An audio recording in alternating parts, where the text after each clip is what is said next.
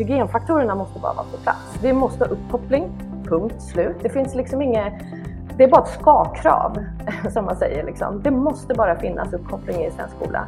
Eh, det måste finnas tillgång till de verktyg och de läromedel, digitala läromedel som behövs. Så det är liksom hygienfaktorer. Så att jag hoppas att den nya strategin supertydligt definierar att det här ska vara på plats.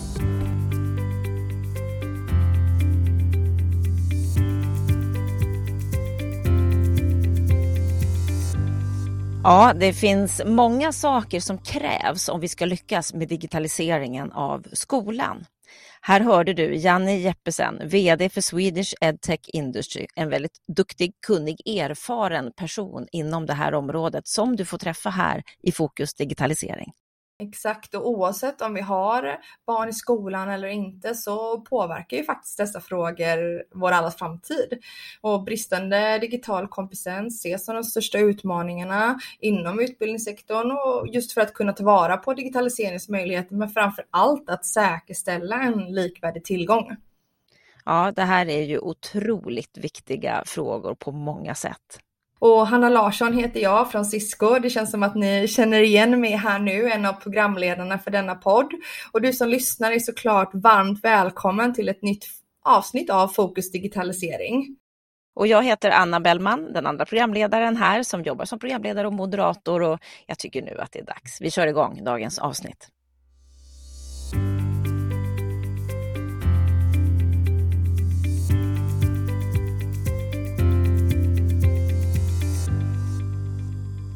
Så, nu rullar vi. Välkommen hit Janne Jeppesen. Tack, det är kul att vara här. Väldigt trevligt att ha dig här och vad jag har förstått så är digitalisering och lärande, det har liksom varit som en röd tråd i ditt liv, både som lärare, rektor, konsult inom digital kompetens, digitalisering av utbildning. Du har varit affärsutvecklingschef för Rektorsakademin. Du har varit med och utvecklat SET-mässan som är en återkommande mötesplats för utbildningsteknologi i skolan och så har du tagit fram konceptet EdTech Sweden. Det känns ju som att du verkligen har fått uppleva en hel del inom skolutveckling de här åren. Ja, det kan man ju lugnt säga. Ehm, jag var, började jobba med digitaliseringsfrågor och pedagogik på den tiden vi kallade det multimedia. Och det är ganska länge sedan, så 2002-2003 där någon, någon gång. Eh, så det hette multimedia och så kallade vi också ett tag för nya medier när vi skulle lämna det gamla begreppet multimedia. Och nya medier kom vi fram till efter några år att det är inte nytt längre. Så att eh, jag har varit med faktiskt eh, hela resan. Min första, mitt första läraruppdrag, jag var lärare i några år, då hade jag faktiskt en svart tavla med krita. Eh, så vi bytte till whiteboard i hela skolan, så jag var med om whiteboardrevolutionen. Så jag har, jag har varit med från, från start kan man säga. Eh, och idag så är jag ju då VD på Sweden Tech Industry som är en branschorganisation för utbildningsteknologiska företag som verkar i Sverige. Och det har jag varit de sista fem och ett halvt åren. Så nu jobbar jag fortfarande med skolutveckling, säger jag. Eh, men kanske från ett, från ett annat håll. Och, och jag upplever också att jag får, eh, får en mycket större effekt ute i klassrummen genom att jobba eh, just med bolagen som levererar tjänster och produkter. Mm när jag tänker på krita så tänker jag på Pippi Långstrump när hon eh, målar lilla gubben där utanför. Det kan man ju verkligen säga är en resa från, liksom, från lärande till rektorer men också till att idag jobba med digitaliseringsfrågorna och utbildning. Och vi har ju egentligen samma fråga som återkommer till samtliga gäster men jag tycker det ska bli extra intressant faktiskt att höra hur det präglar din vardag. För vad, vad är digitalisering för dig skulle du säga? Det är faktiskt ett, det är ett begrepp som jag är jättetrött på, på jättemånga sätt. Eh, men jag tror att vi behöver fortsätta använda det. Eh, men det är lite som att man skulle prata om elen som en förutsättning, så att vi hela tiden ska ha el. Nu gör vi ju det i när det kommer till bilar och så. Allting går runt. Eh, men digitalisering eh, för sakens skull är jag helt ointresserad av, utan digitalisering som som bidrar med ett värde. Det är det jag ser för, eh, som jag ser digitalisering. Och jag tycker att vi har gjort mycket digitalisering för digitaliserings skull, eh, både inom skolväsendet genom åren, men också på andra delar av samhället. Så att, eh, digitalisering som sådan skiter jag i. Eh, jag, jag vill att vi ska eh, använda de bästa verktygen vi har eh, för att åstadkomma det värde vi kan och de möjligheter som ges. Det är jag mer intresserad av. Superspännande. Vad menar du att skolan då har gjort när det gäller digitalisering för digitaliseringens skull? Ja, men alltså om man tittar tillbaka på skolans digitalisering så vi har ju digitaliserat eh, sko svensk skola i 30 års tid. De första digitaliseringsprojekten startade så länge sedan och det är faktiskt fullkomligt unikt. I, dels i ett nordiskt perspektiv så var vi väldigt tidiga Eh, och i ett europeiskt perspektiv extremt tidigare. Så att vi är ju liksom en av eh, frontrunners skulle jag säga i Sverige där vi har erfarenhet av digitalisering. Jag menar, när jag gick i åttan, nu ska jag avslöja hur gammal jag är, men jag är född 72. Och när jag gick i åttan, då hade vi programmering på schemat. Så man hade en timme programmering i skolan. Det är många som har glömt det idag, men då satt man och skulle skriva så här go to 10 och så skulle man komma ner på nästa linje. Och vi frågade så här, vad, vad ska vi ha det här till? En skrivmaskin hade vi förstått, men läraren visste inte vad vi skulle ha det till. Han sa bara, ja men vi ska bara göra det här. Ehm, det var kompisdatorn. Eh, kompisdatorn var ju en eh, statligt producerad dator som skulle levereras ut i skolorna för att eh, svenska elever skulle bli datorkompetenta. Så vi har, haft, vi har sett väldigt många vågor i svensk utbildningsväsende kopplat till digitaliseringsfrågan. Eh, och där har vi gjort, i och med att vi har varit först ut, så har vi också varit de första att göra alla misstagen. Och det tycker jag är jätteintressant nu när vi ser andra länder liksom som, som går in i sin digitalisering nu eller försökte innan pandemin och sen efter pandemin så, har de, så går de in med full kraft för de har insett hur, hur dåligt rustade de är för osäkra situationer och så vidare. Tyskland är ett exempel på det som är helt, eh, det är väl det landet i Europa som ligger sist när det gäller skolans digitalisering. Så där var jag, jag har ju varit i Tyskland flera gånger före, före pandemin och, och haft föredrag för ministrar där nere om do's and don'ts of liksom, Sweden. Eh, vi har ju jättemycket att lära från alla de misstag vi har gjort, så ett misstag har vi gjort. Och hur långt skulle du säga att vi har kommit när det gäller att digitalisera skolan? Det beror på, det beror på hur man ser det, skulle jag säga.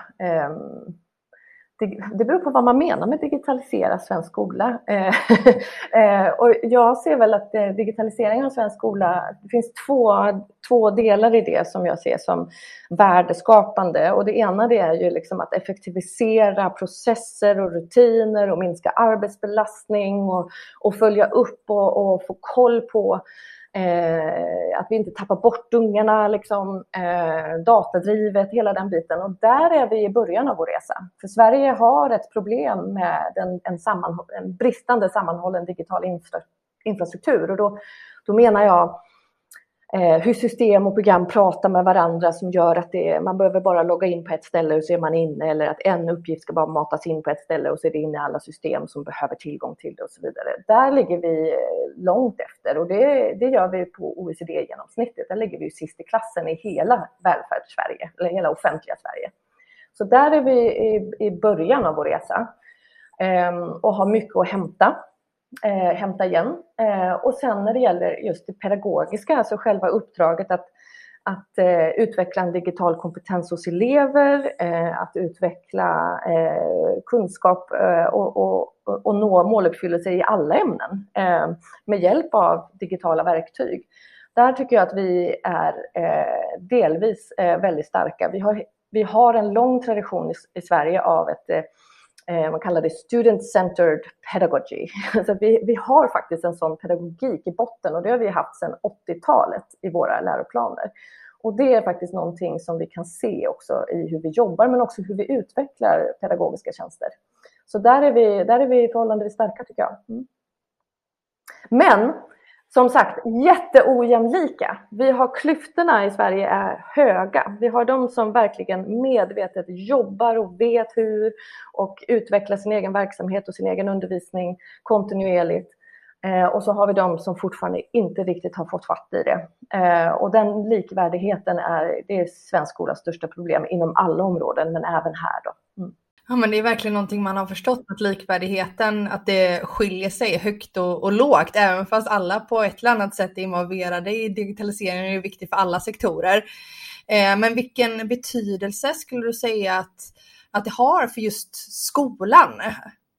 För skolans uppdrag, det är som jag ser det ett demokratiskt uppdrag att fostra, att eh, bilda och fostra eh, morgondagens medborgare och forma det samhälle som vi faktiskt har bestämt oss att vi skulle vilja ha eller vill gärna se. Eh, och där är ju, när det kommer till digitaliserings, eh, alltså hela samhällets förändring och eh, hur vi eh, påverkas på olika sätt, både i vår vardag men också i när vi ska fatta beslut, när vi ska fatta ett köpbeslut, när vi ska gå till valurnorna, eh, alla de här bitarna Eh, där är ju digitalisering och demokrati nästan ihop, eh, alltså de, de hänger ihop på ett väldigt, väldigt tajt sätt. Och därför går det liksom inte att säga att vi väljer bort det i skolan, för då missar vi hela grunduppdraget. För att det, det är så pass eh, centralt skulle jag säga. Mm.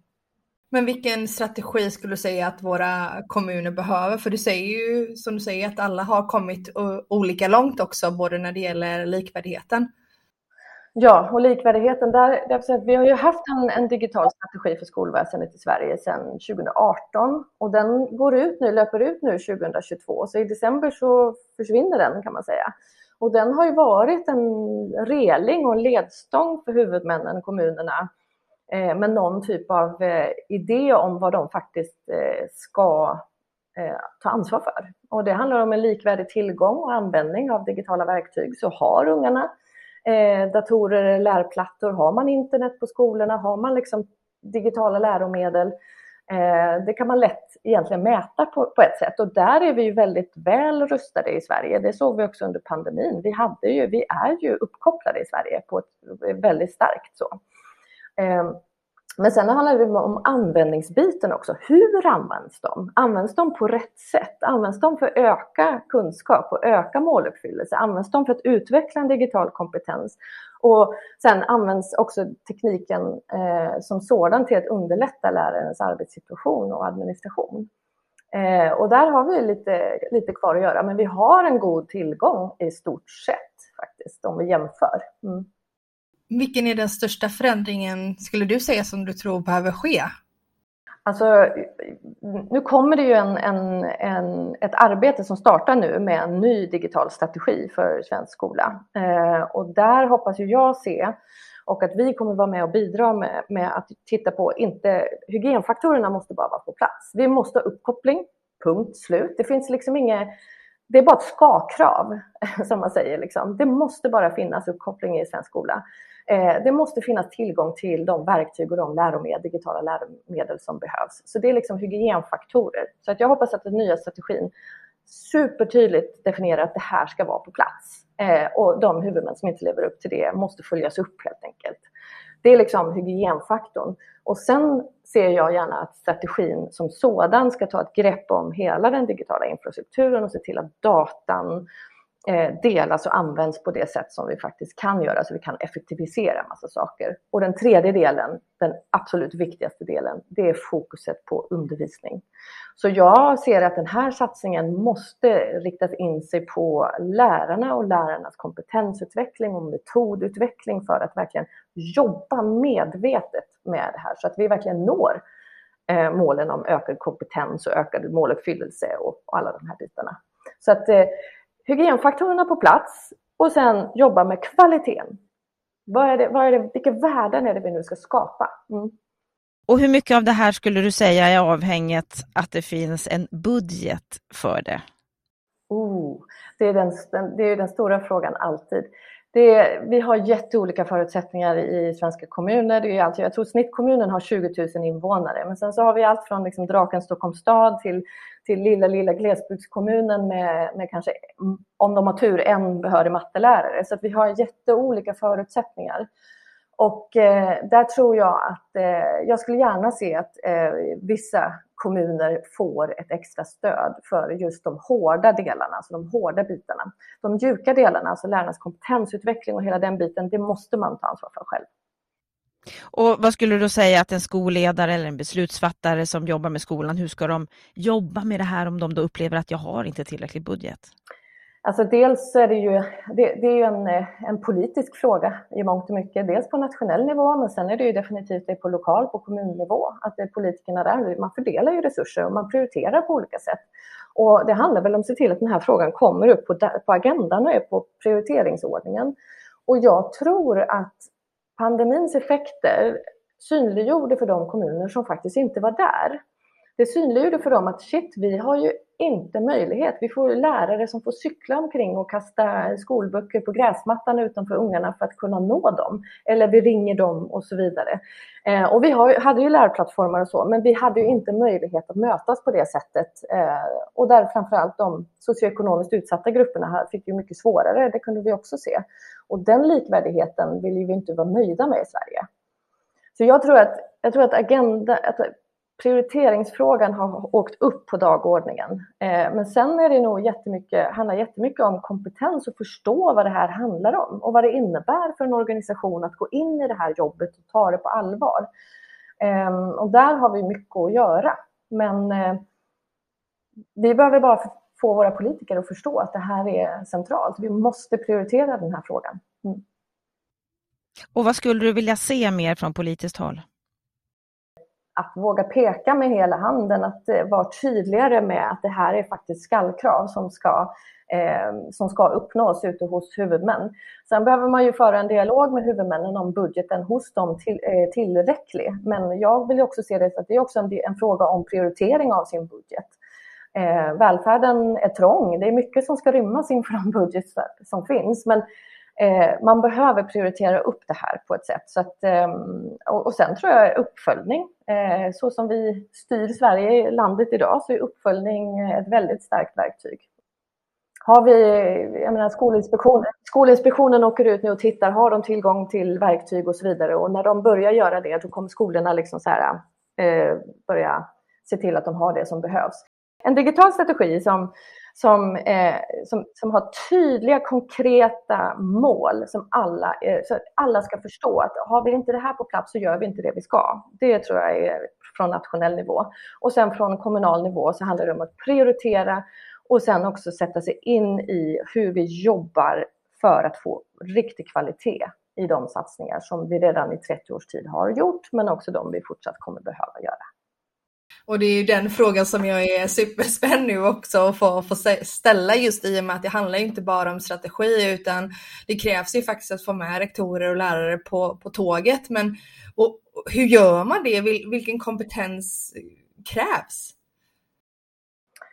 Ja, alltså i den nuvarande strategin så står det ju att eh, lärare och eh, ja, personal i skolan, det inkluderar faktiskt skolledare eh, och annan personal, ska ha en adekvat digital kompetens. Eh, och vad de menar är ju liksom att den ska vara kopplad till den yrkesroll man har. Om jag är lärare i X ämne så ska jag veta hur jag kan eh, på bästa sätt tillgodogöra mig de digitala verktygen för att nå högre i måluppfyllelse. Eh, en kompetens är också att se att eh, en digital kompetens är lika mycket att se att nej, men här är faktiskt det digitala sämre. Då väljer jag bort det. Alltså man, men man ska vara, fatta medvetna beslut.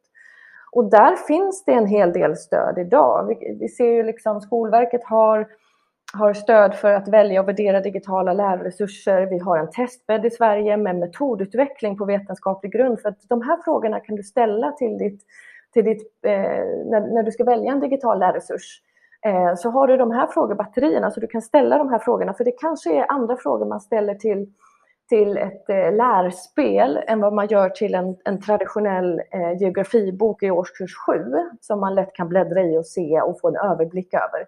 Men det digitala erbjuder också andra möjligheter med eh, stöd till ehm, eh, elever med funktionsnedsättning, med uppläsningsstöd och så vidare. Men det innebär också liksom tränings och interaktivitet och, och funktionalitet som inte alls finns i böckerna, som, som också kan öka lärandet. Så att eh, det finns en massa stöd som man faktiskt kan börja jobba med konkret ute i kommunerna.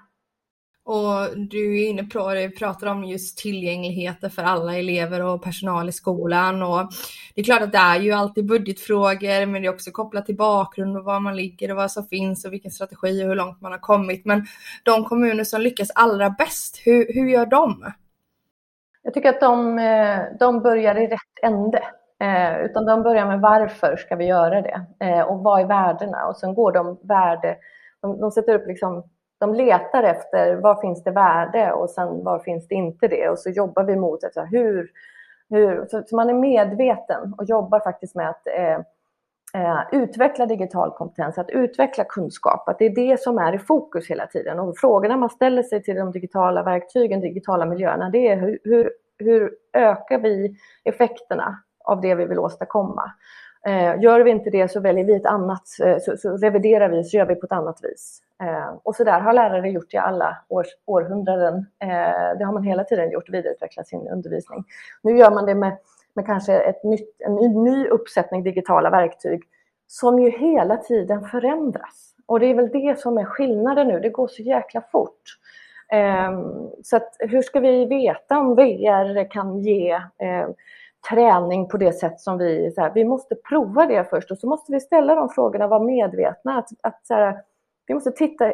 Det jag ville åstadkomma med det här lektionspasset med de här VR-glasögonen, om det nu är det, Eh, åstadkom jag det eller hände något annat? Så att jag nästa gång vet att om jag ska åstadkomma det här så använder jag de verktyg som jag vet ska löser uppgiften på något sätt. Eh, och det är väl det som är det nya här, att det går fort. Eh, har man jobbat med traditionellt då liksom i att man i ett, par årtionden har jobbat med, med sina olika läromedelsböcker som hela tiden uppdateras och, och följer läroplaner och, eh, och så man vidareutvecklar hela tiden sin undervisning. Men det är kanske andra frågor som ställs nu och andra möjligheter som ges. Och då måste man också våga prova och testa dem. Och sen kombinera de två. Jag tror inte att eh, ingen vill se en hel digital skola. Det, det, tror, jag, det, det tror jag inte är bra. Eh, men det handlar just om att hitta den rätta mixen för att utveckla eh, de förmågor som vi behöver. Mm. Och här är det ju väldigt lätt att gå vilse i det tekniska, att det är lätt att, att man utvecklar och, och känner att oh, hur, hur ska jag jobba med alla de, de, de tekniska bitarna, den tekniska utrustningen, vart är det jag ska gå någonstans, vad är det jag ska testa för någonting? Vad skulle du säga, hur mycket är teknik respektive pedagogik när vi pratar digitalisering och skolan? Jag skulle säga att eh, tekniken den tar plats. Eh, precis på samma sätt som när jag liksom slutade torka av mig kritdammet på byxorna och, och, behövde jobba på ett annat sätt med den vita tavlan eh, och kunde göra andra saker med den så, så ställer tekniken i, i, det, i det första steget när, när skolorna gick in i en digitalisering, jag har själv varit med där, så är det bara så här, vi har inte ens laddsladdar tillräckligt i klassrummen. Så det här handlar även om det fysiska huset och förutsättningarna. Så det handlar liksom om alla de där bitarna. Vad händer när batteriet går slut eller tar slut och sen eh, så går den där datorn sönder. Så allt det där krånglet Eh, skapar ju ett krångel hos lärarna innan man hittar en organisation för att verkligen jobba med det här och bygger in det i organisationen. Så att tekniken är viktig och det viktigaste med den är att den ska funka. Eh, och sen den andra tekniska biten det är just eh, de funktioner och de möjligheter som finns och att, att lärare upplever eller att de har en känsla av att det inte är farligt, att man kan testa och prova och vara nyfiken kopplat till det. Eh, det tror jag också är eh, viktigt. Eh, och det ser man ju också hos, hos de skolor som har kommit långt. Då, då, vågar man testa och prova, man hittar nya saker och vill prova och testa den här aktiviteten eller funktionaliteten i ett klassrum och sådär. Så att nyfikenhet är viktigt. Men tekniken måste funka. För att eh, annars så funkar inte undervisningen. Den är avgörande. Så det måste finnas uppkoppling, det måste finnas laddstationer, alla de här basgrejerna. Och, och det kan vi se nu när digitala nationella prov nu ska rullas ut i svenska klassrum, är det nästa år tror jag. Då behöver samtliga skolor ha det här på plats. Så det blir en viktig liksom, eh, så här, isbrytare för de skolor som, som inte riktigt är på plats. Utan man måste ha laddstationer, man måste ha internet i, i, liksom, i den kapacitet som man behöver. och så där. Så det kommer ju också vara en, en, en möjlighet, ser jag, för att få upp hygienfaktorn med alla de här praktiska bitarna som jag kallar det, mer än tekniska bitar. Mm. Ja, du är inne på det, hygienfaktor. Och jag, ja, först var det väl sagt att det skulle, eller de nationella proven skulle vara digitala från 2023, men att det nu är skjutet i alla fall till 2025 som jag förstod det. Eh, och det ställer ju som, som, du säger krav på teknisk utrustning eller pedagogisk utrustning så att allting ska funka. Eh, men det vänder sig också till både lärare och elever framför allt. Men hur, hur förberedda genom landet skulle du säga är vi för att kunna genomföra de nationella proven digitalt? Jag skulle säga att vi är, väl, vi är ganska väl förberedda. Vi har, vi har absolut kommuner eller skolor som inte är där än, men vi är väl förberedda överlag. Alltså om vi, om vi, jag tycker också vi ska lyfta blicken och jämföra oss med andra, andra länder. Och så här. Vi är väl förberedda. Eh, de eh, nationella skrivproven i svenska i årskurs 9 har ju genomförts digitalt eh, ett par år, så där har vi ju redan testkört det. Liksom. Har, har alla nio varit uppe nu på och, och gjort sitt, eh, sin uppsatsdel då på, på, på dator. Då, och det har de i stort sett, eh, även eh, om de har haft möjlighet att göra det analogt, så har man i stort sett gjort det. Då. Så att det, det och, och lärt sig en del på vägen. Mm.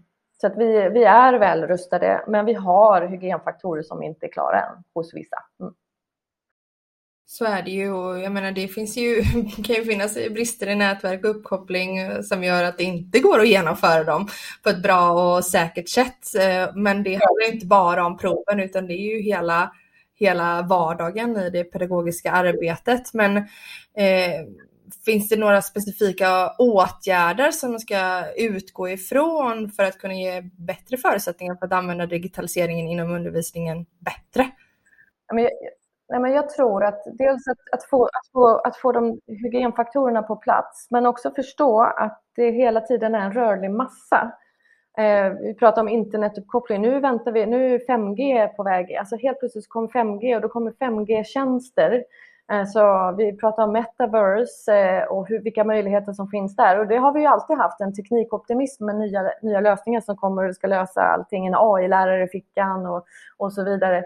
Men tekniken går så fort och AI idag, vi har kanske inte en AI-lärare i fickan som vi hade hoppats på många. Eh, jag har inte hoppats på det, för jag har inte trott på det. Men eh, vi har ju en, en AI-utveckling som gör att frågorna som, och kompetensen som skolan och undervisande lärare måste ha, det är ju så att de, de behöver förstå att jag idag kan skriva in en stödmening till en AI-tjänst som ger, skriver en uppsats åt mig som urkund, den tjänsten som finns för att kolla att jag inte har kopierat någonting från nätet, inte kan läsa, alltså inte kan identifiera. Så vi behöver kanske jobba på helt andra sätt och förstå för det här ställer nya frågor till undervisningen och vad, vad det är vi behöver lära oss. Och det där är hela tiden en rörlig massa och jag skulle säga att uppkopplingsförmågan eller liksom kapaciteten är också en rörlig förmåga. Det finns ingen hygienfaktor utan om tre år, låt säga när digitala nationella proven kommer, om de nu kommer 2025, vi kanske har ett helt annat eh, tekniskt landskap framför oss eh, och kanske behöver helt andra eh, kapaciteter än vad vi eh, utgår ifrån idag. Så vi behöver hela tiden vara i rörelse. Eh, så att det är ett rörligt mål hela tiden eh, på något sätt. Jag skulle säga att du är inne på något otroligt spännande här, för jag tror att är det någonting vi kan vara riktigt överens om så är det just att ingenting kommer att vara statiskt framöver, utan allting kommer att röra sig, kommer att röra sig framåt och den som ska lyckas behöver vara med i den rörelsen, precis som du säger. Om vi ska försöka sammanfatta och avsluta det här avsnittet vad skulle du säga är det viktigaste som behövs för att vi ska bli mer digitala och använda den digitala förmågan och tjänsten och allt vi kan göra digitalt ännu bättre? Det, viktigaste, det absolut viktigaste är att fokusera på undervisningen. Nu om jag pratar om skolan. För fokusera på undervisningen och skolans eh, uppdrag i läroplanerna. Jag tycker läroplanerna ger oss en bra vinkling där. Jag tror att man behöver om man inte är där förståelsemässigt så behöver man kanske sätta på sig så sina digitala glasögon och läsa om kapitlerna i läroplanen och bara säga vad innebär det att fostra en demokratisk, i demokratisk anda? Vad innebär det att förstå hur människans villkor förändras kopplat till det där? Men också då göra det med att ha den här omvärldsspaningen hela tiden på vad, hur teknikutvecklingen påverkar oss i samhället, hur påverkar det, är jag svensklärare, så påverkar ju AI såklart eh, min förmåga att skriva, att läsa, att vara källkritisk, att vara, så alla de här delarna som ingår i mitt läraruppdrag som svensklärare. Så det ställer frågor till mig som svensklärare och det ställer frågor till en idrottslärare också med utifrån att man ska kunna använda sig och ta, ta sig fram i, i okänd mark och terräng till exempel. Det finns ju allting, man kan läsa det här med vilka verktyg har vi omkring oss eller gör vi det bara på det sättet som, som vi själva gjorde med, med karta och kompass.